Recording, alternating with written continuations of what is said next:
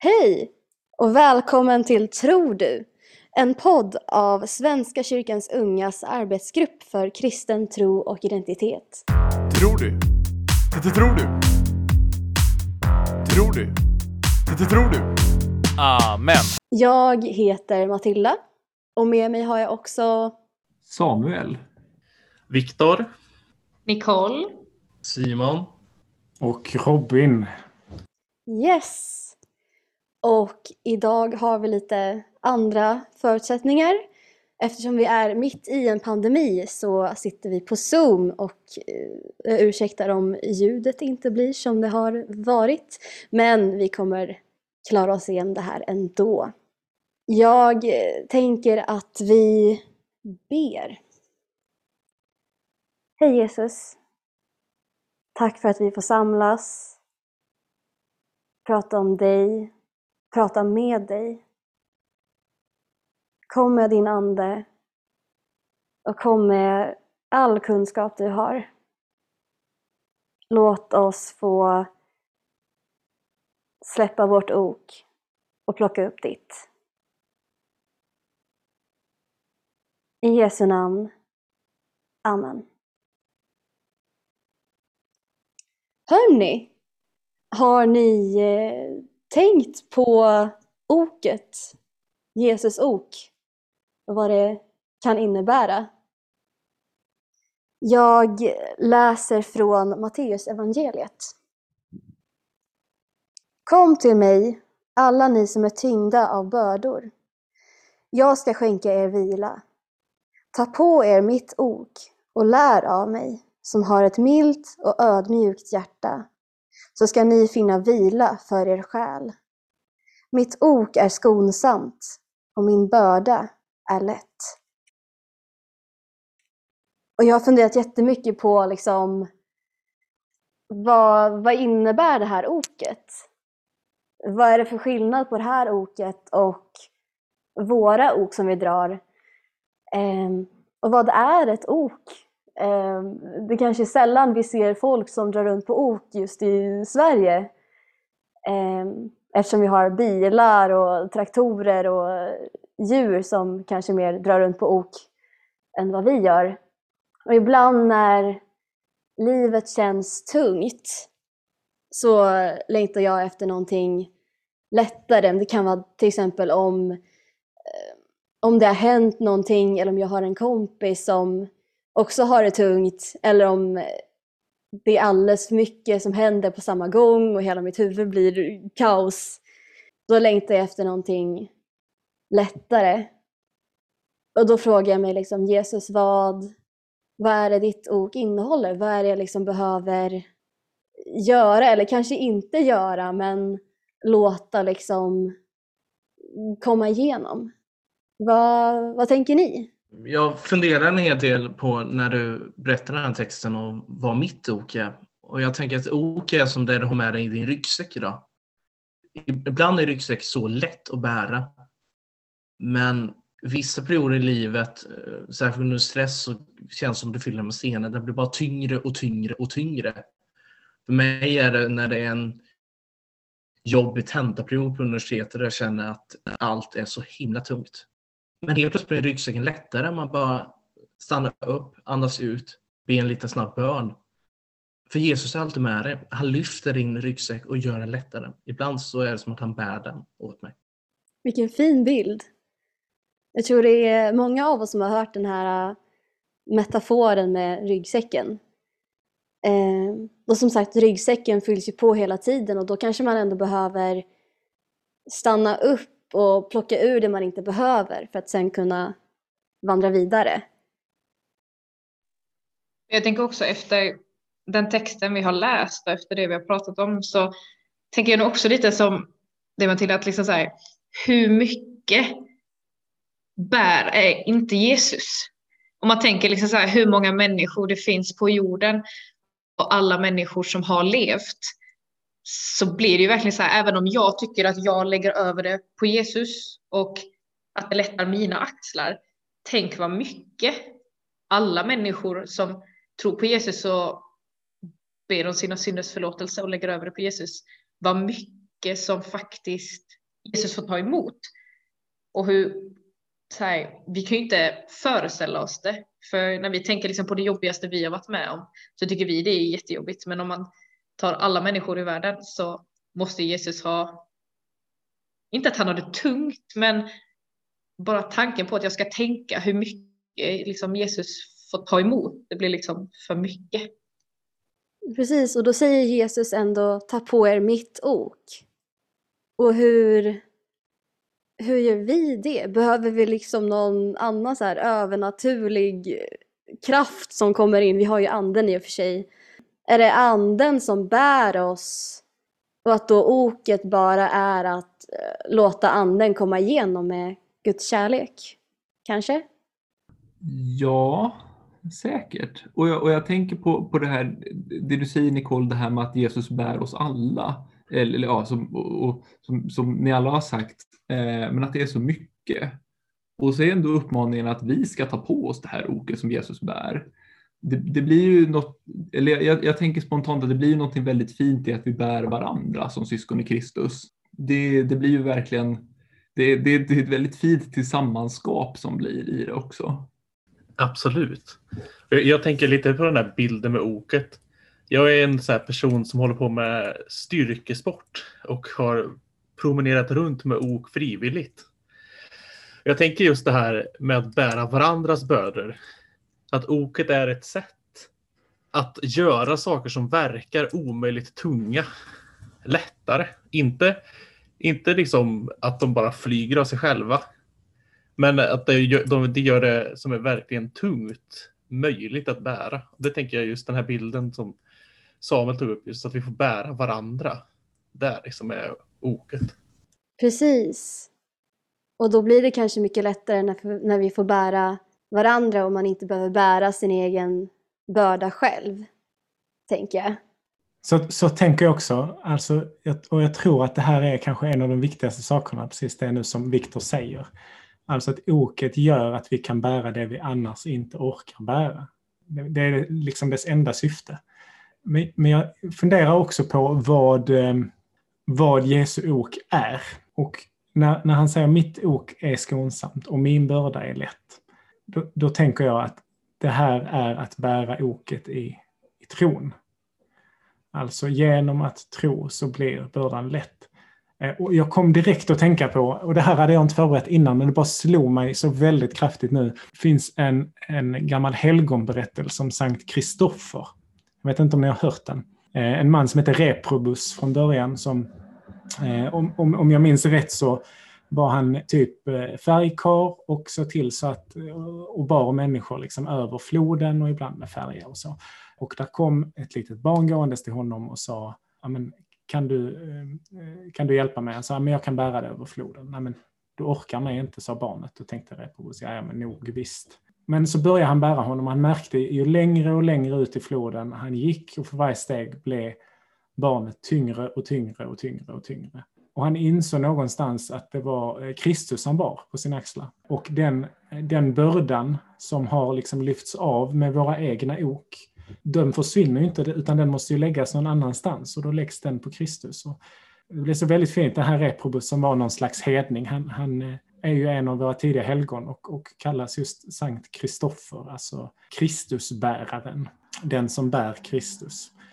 Och då, då funderar jag på så här, men vad är det som gör att, att oken som vi bär, som inte är Jesu ok, är så, eh, är så tunga? Och då hittade jag ett bibelord från eh, Sakaria 5. Nämen. Vers 7. Och där säger han ungefär så här. Sakarja säger att synden är tung som en tunna bly. Det är en härlig bild. Och i jämförelse med det så tänker jag att om, om det andra oket då är att vandra i tro så blir det väldigt mycket lättare än att gå runt och bära på en tunna bly. wow. Ja, definitivt. Och då tänker jag också, Jesus kom ju också, Guds lam, tar bort världens synd, eh, lyfter av oss bördan av våra synder för att vi ska kunna leva i ljus och kärlek. Ja. Ja, inte bara leva va? Alltså det är ganska stora ord som vi, vi får i evangelietexten. Vi ska, vi ska bli skänkta vila och vi ska finna vila för vår själ. Alltså det är ju det är jättestora grejer. det blir så, det, det, blir så häftigt med liksom, alltså det har så starkt med överlåtelsen att göra, tänker jag. Det, det, det är så häftigt liksom, för det, för det blir ju då det här också att, att le, leva i tron och finna ö, vila för, för själen. Det är verkligen, det, ja, jag, ty, jag tycker det är så, så häftigt i, i överlåtelse. Det här totalt att inse sin, sin litenhet på något vis då också. Den här, den här tunnan med bly som vi egentligen inte kan bära. Och, och då i tron leva i tron då faktiskt finna vilan istället. Att släppa, att släppa liksom det här försöket med att hålla på och släpa runt på grejer. Att försöka sluta släpa på den där, liksom, på den där tun, tunga tunnan. Eh, att man håller på och drar i liksom, och kommer ingen vart. Men det är, det är överlåtelsen att ta Jesu ok som upp, att, att faktiskt ge upp också då. Att det, det, blir, det blir ju verkligen att ge upp det här försöket att jag som människa tror att jag kan släpa på den där tunnan. Eh, men det kan jag ju inte. Det är klart jag inte kan det. Ja, jag tycker det är, jag tycker det är en väldigt fin bild. Indeed, indeed. Åh. har ni någon gång känt så här, om ni har burit på någonting och så sätter ni er och ber Jesus, hjälp mig. Det kan bara vara så enkelt. Och så liksom känns det verkligen fysiskt som att någonting släpper. Har ni känt så någon gång? Åh oh, ja. Jag minns när jag skulle ta körkort och skulle göra uppkörningen. Eh, jag hade kuggat så många gånger jag gjort. Och det sista min morsa sa till mig innan var att men, eh, har du testat B innan eh, du gör uppkörningen? Och jag tyckte det var det mest korkade jag hört, att man ska be innan uppkörning. Och jag är så full av ångest och jag är så nervös och jag vet bara att jag har kämpat så himla mycket för det här. Så att det, första, det jag gör innan jag ska sätta mig i bilen, jag går in på toaletten på Trafikverket i Linköping och sätter mig och ber. Och det var den mest underbara känslan. Det var som en knäpp på fingrarna liksom. Och helt plötsligt så var jag så avslappnad när jag kör och Ja, man brukar säga sjätte gången gilt, men den här gången gick det jättebra. Alltså, men, men bön gjorde att jag klarade uppkörningen. Och alltså, det var så häftigt att känna hur helt plötsligt den här stora bönen från, från mig bara lyftes. Alltså, jag vet inte om jag har känt något liknande, men det är ett minne jag kom på nu jättemycket när, när vi började prata om det. Det var det som gjorde att jag kände att wow, att be funkar. Det är ju verkligen eh, Jesus take the wheel. ja, verkligen. Wow. Den känslan. Jag hade också en sån här om dagen. Eh, jag och min kompis skulle gå och gymma. Men så kändes det ändå ganska tungt. Och så på vägen dit så började jag också känna mig ganska ångestfylld. Jag vet inte riktigt varför. Och så bad jag Jesus hjälp mig. Och då bara släppte det. Det var, ja, känslan går inte att beskriva. Jag kan också känna så här, när man är nere i typ svåra perioder eller man har en liten så här dipp i humöret. Man verkligen så här ber, ja men Jesus var med mig. Då kan jag också känna att efter det så bara lättar allting, även hur svårt saker och ting än är, oavsett vad det är, om man är ledsen eller man bråkar med någon eller man har det jobbigt i skolan, så kan jag tycka att det verkligen hjälper att sätta sig ner och liksom, ja men Jesus var med mig och hjälp mig och led mig. Och då brukar, eller jag kan också få så känsla att allt bara släpper. Så här, när man har haft verkligen så som vi snackade om innan, en tung ryggsäck som bara sätts av. Och det är verkligen så här, det känns ju som nästan man flyger. Det, det är verkligen så här, då känns det som att man kan göra allt. Verkligen allt. Nu sitter jag och funderar lite på det här kring varför nu om ett ok tas bort, varför ett annat ska läggas dit. Och precis innan vi började så sprang jag ner och hämtade en, eh, en bok med där de här stora gamla kyrkofäderna har kommenterat bibeltexter. Eh, och då är det en snubbe som heter Johannes Chrysostomos, Johannes Guldmunnen, eh, som har kommenterat detta och han säger någonting i stil med så här att ja, men det har lagt, Jesu ok har lagts dit mest för sakens skull. Alltså, inte av någon annan anledning än att vi ska komma ihåg och vandra på den vägen som Jesus vill att vi ska vandra. Det vill säga att den tynger inte ner utan det är bara en, liksom, det är den här påminnelsen. Vi har det lilla oket som inte är särskilt tungt men som påminner oss om att vi ska eh, leva gott och leva rätt. Verkligen en klok kommentar. För om man inte har något ok på sig då kan man ju ta på sig vad som helst. Och då behöver man kanske välja klokt. Och då kanske det lättaste oket ändå är Jesus ok. Eller det vet vi ju inte. Men det låter ju ändå ganska lätt. Om Jesus är mild och ödmjuk och vad är det det står i texten? Ska vi se. Ta på er mitt ok och lär av mig, som har ett milt och ödmjukt hjärta, så ska ni finna vila för er själ. Mitt ok är skonsamt och min börda är lätt. Och då är frågan till skillnad från andra ok, eller våra ok, och sen eh, kanske det finns andra ok som har också med tro att göra, men då kanske det är Jesu ok som ändå är lättast. Också med tanke på att Jesus är så ödmjuk och mild och kärleksfull. Ja, och kanske framförallt i jämförelse med det här eh, syndens ok som är som en tunna bly. Så blir det väldigt lätt. Det finns väl också något gott i att ta på sig Jesu ok så att man inte... Jag tänker det här med att gå runt utan ok. Eh, om man då går runt utan ok så lär man sig inte av Jesus som har ett milt och ödmjukt hjärta. Det, det, finns väl säkert en funktion i att ta på sig Jesu ok också för att man ska passa sig från att göra sig själv till sin egen avgud också. Eh, det, blir, det, blir ju inte, det blir ju en påminnelse, inte bara, ja men här, den här påminnelsen om att leva, leva gott, påminnelsen om att det är det blir, oket blir ju också en påminnelse om vem det är egentligen, vem är det egentligen som bär bördorna eh, på riktigt. Det är ju, jag kan ju inte göra någonting. Jag, jag har ju ingen, ingen kraft egentligen. Det är ju Jesus som sitter på allt, på all kraft. Eh, och att Jesu ok som lär mig då att ha ett milt och ödmjukt hjärta också. Ja, precis. Låta anden komma igenom. Så det är egentligen inte vi som behöver jobba för någonting utan det är, det är Guds kärlek, det är Guds ande som kommer igenom. Och det kan ju också kännas ganska lätt kan jag tänka mig, för att det bara flödar igenom. Jag har så mycket jag vill säga, men jag vill inte vara i vägen för någon annan heller. Men har ni tänkt på att det här oket, det ser liksom ut lite som, när man tar det på sig så ser man ut lite som en våg. Så här. Och då kommer jag att tänka på den här eh, bibeltexten när, eh, som också är ganska mycket i kontrast i det här. Att, eh, ni vet med den breda och den smala vägen.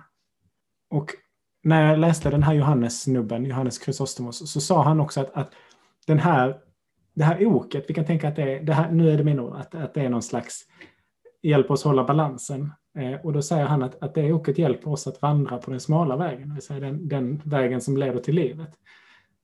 Nu, nu, ser det kanske konstigt ut om man går runt och vinglar så här, men, men ni, ni, alltså jag, jag tänker att det finns en viktig sak här som vi kanske inte har nämnt jättemycket och, och det är när Jesus säger lär av mig. när han säger det brukar det betyda viktiga saker. Och det är att ha ett milt och ödmjukt hjärta. Vad, vad tänker ni om ödmjukhet? Det här stora, stora ordet. Men det kan ju vara svårt det där med ödmjukhet. Alltså, jag skulle inte säga att jag är inte är den mest ödmjukaste personen och sånt. Ibland kan man ju verkligen tro att man är bättre än de flesta. Så på personligt plan så tycker jag det är svårt det där med ödmjukhet. Och sånt. Jag vet inte hur ni andra definierar det begreppet. Ja, den är lite klurig. Jag tänker också eftersom vi lever i ett ganska individualistiskt samhälle och man behöver lyfta fram sig själv och allt sånt där. Men jag tänker verkligen, Jesus säger ganska många gånger att det är inte jag som gör allt det här utan det är Gud som gör det genom mig. Och då att det är Gud som får äran istället för att ja, såklart den hjälper ju till och liksom får igenom Gud men den behöver få ändå lite cred för det man gör men den stora äran kanske är till Gud egentligen. Så skulle jag kanske tänka. Är det någon som tänker något annat? Jag tänker eh, så här att ödmjukhet eh, kan vara ett sätt för oss till att se vår nästa. Och precis som du sa Matilda, att se vår nästa som Gud ser den först. Istället för att se mig först så kan jag se den. Och det är också, tänker jag är viktigt när vi tar på oss och funderar kring hur ser Jesus den här andra personen? För jag tänker att jag är så bra först. Det tänker jag är viktigt. Eh, och det tänker jag ödmjukhet hjälper oss med. Det påminner mig också om en vers i Johannes evangeliet tror jag. Precis i början där. Första kapitlet. Nästa dag stod Johannes där igen med två av sina lärjungar. När Jesus kom gående såg Johannes på honom och sa, där Guds lamm, jag tror att jag är lite för kort, för det handlar egentligen om, ska vi se, ja, där har vi den. Kolla. Eh, du, du, du. Jesus såg Natanael komma och sade om honom, där är en sann israelit, en som är utan svek. Natanael frågade, hur kan du känna mig? Jesus svarade, innan Filippos ropade på dig såg jag dig under fikonträdet. Natanael svarade, Rabbi, du är Guds son, du är Israels konung. Och Stockholms biskop använde den här texten för en andakt inför vårt distriktsårsmöte. Och då berättade han att om orden se och känna, att det liksom inte betyder bara se och känna med våra fysiska sinnen, utan det är verkligen någonting djupare och någonting eh, djupare och liksom väldigt expanderat. Att Jesus ser det vi liksom inte kan se med våra fysiska ögon. Och det är kanske det också som också kan ingå i att verkligen se en annan människa så som Jesus eller Gud ser den. Jag funderar lite på om man skulle återuppliva ett gammalt, gammalt ord. Eh, kyskhet. Alltså inte i fråga om eh, sexuell kyskhet utan att ha en kysk hållning till min nästa, det vill säga att, att leva ett liv med ett milt och ödmjukt hjärta handlar kanske om att se på min nästa utan att tänka eh, att jag ska, så att säga, använda den här personen till min fördel. Och det låter kanske ganska hårt, men jag tror vi ganska ofta tänker så. Ja, men om, jag, om jag säger det här till den här så kanske den lyssnar på mig och då kanske det här och det här händer. Alltså, så det, alltså utan att, att ha baktankar så, så kan det ju lätt bli så att man börjar liksom sätta ihop ett scenario i huvudet där man, hur man ska få den andra att tycka och tänka som jag kanske, eller göra som jag vill och så vidare. Och då kanske det ödmjuka här i består att helt enkelt bara erkänna den andra som en Guds skapelse och leva ett liv så som att jag inte eh, vill använda den andra personen som, som, eh, eller till min egen nytta, utan bara för den den är. Det var mycket fint sagt. En otroligt fin tolkning och på ordet eh, kyskhet, Robin. Jag tycker, jag tycker vi lanserar den här nya tolkningen. Jag kanske inte kan ta all cred för den själv, utan det har nog sagts många gånger förut. Jag tänker just det här med ödmjukhet så står det väldigt fint i Jakobsbrevet 4.10. Där står det ödmjuka er inför Herren och han ska upphöja er. För det har ju också med, som vi pratat om, att man ska värna om sin nästa och man ska inte... Ödmjukhet har ju också att göra med att du inte liksom höjer upp dig själv utan att du faktiskt alla är på samma nivå, att du är liksom inte bättre än någon annan. Så därför tycker jag just Jakobsbrevet skriver det så fint. Indeed, indeed. Och också, du är varken bättre eller sämre än någon annan. Den kan också vara viktig att ha med sig. Jag tror jag ofta känner att jag kanske är liksom sämre än andra, men då får jag påminna mig om att jag är en Guds skapelse. Jag är Guds avbild. Jag är precis lika bra som alla andra. Den behöver jag påminna mig om ganska ofta, tänker jag. Jag tänker spontant att man alltid kommer tillbaka också då till vem man ska ge äran. Eh, jag tänker på, på psalm 17 i, i Svenska psalmboken, Ge Jesus äran. Jag, ty jag tycker den också, eller det beror på lite vart man lägger betoningen, men det är det här, ge Jesus äran, frälsta mänsklighet. Han är den som segrat i all evighet. Det är en viktig påminnelse i det här med ödmjuka, att ödmjuka sig just inför Herren. Att komma ihåg vem är det egentligen som, som bär den här blytunnan i, och i, i övning av sin ödmjukhet och komma ihåg att det är Jesus jag ska ge äran och Jesus jag ska tacka då också i allting. Att, att vara så oändligt tacksam för, för, för Jesus alla goda gåvor. Eh, jag tycker eh, en av våra böner om förlåtelse som inte är så jättevanligt använd, jag fattig syndig människa, eh, tycker jag är ganska, jag tycker den är väldigt häftig. Den har en väldigt häftig vändning. i det här med att, att man, man säger, det är väldigt hårda ord när man säger jag är värd att förkastas från ditt ansikte. Och efter det så kommer vändningen, men du käre himmelske fader har lovat. Det är en sån stark, eh, jag, jag tycker det är så starkt i, i det här att, att komma ihåg Alltså den, den, den, den otroliga tacksamheten mot Gud, mot Jesus. Att vi, vi som är så små och ödmjuka sig inför Herren som, som Nicole tog så upp så bra. Eh, Jesus som älskar oss så mycket och bara få njuta av det verkligen. Indeed, indeed. Jesus ska ha så mycket tack för att han tog på sig sina synder, eller sina synder, våra synder och dog för alla oss. För att vi ska kunna ta på oss hans ok och hans lätta börda. Se varandra och leva i ödmjukhet och kärlek. Vill vi eh, säga någonting mer eller ska vi wrap this up? Kan inte jag bara få läsa från, eh, från Romarbrevets 12 kapitel vad, vad Paulus eh, säger till oss idag? Gör det. Då säger han så här. I kraft av den nåd jag har fått säger jag till var och en av er. Ha inte för höga tankar om er själva, utan tänk som man bör tänka, med självbesinning. Så att var och en rättar sig efter det mått av tro som Gud har tilldelat honom. Ty liksom vi har en enda kropp, men med många lemmar, alla med olika uppgifter, så utgör vi fastän många en enda kropp i Kristus. Men varför säger vi lemmar som är till för varandra? Amen.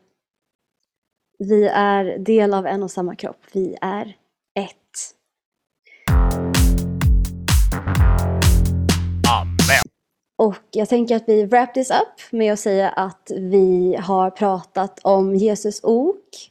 Vad är ett ok? Och drog bilden till ryggsäcken som Jesus tar av och rensar.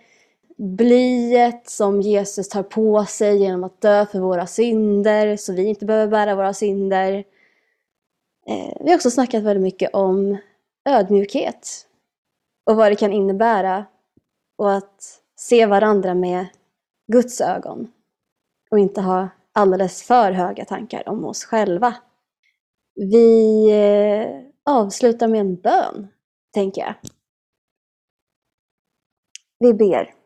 Tack Jesus för att du har dött för våra synder. För att vi inte behöver bära det tunga, tunga oket av våra egna synder. Utan du tog dem, dog för oss. Så att vi får bära det lätta oket och får sprida ditt ljus och din kärlek. Låta anden komma igenom oss med din kärlek. I Jesu namn. Amen. Tack för den här gången. Vi eh, ses och hörs nästa månad. Och då är det något annat som kommer diskuteras. Tjo! Hej då! Hej då! Hej då! Hej då!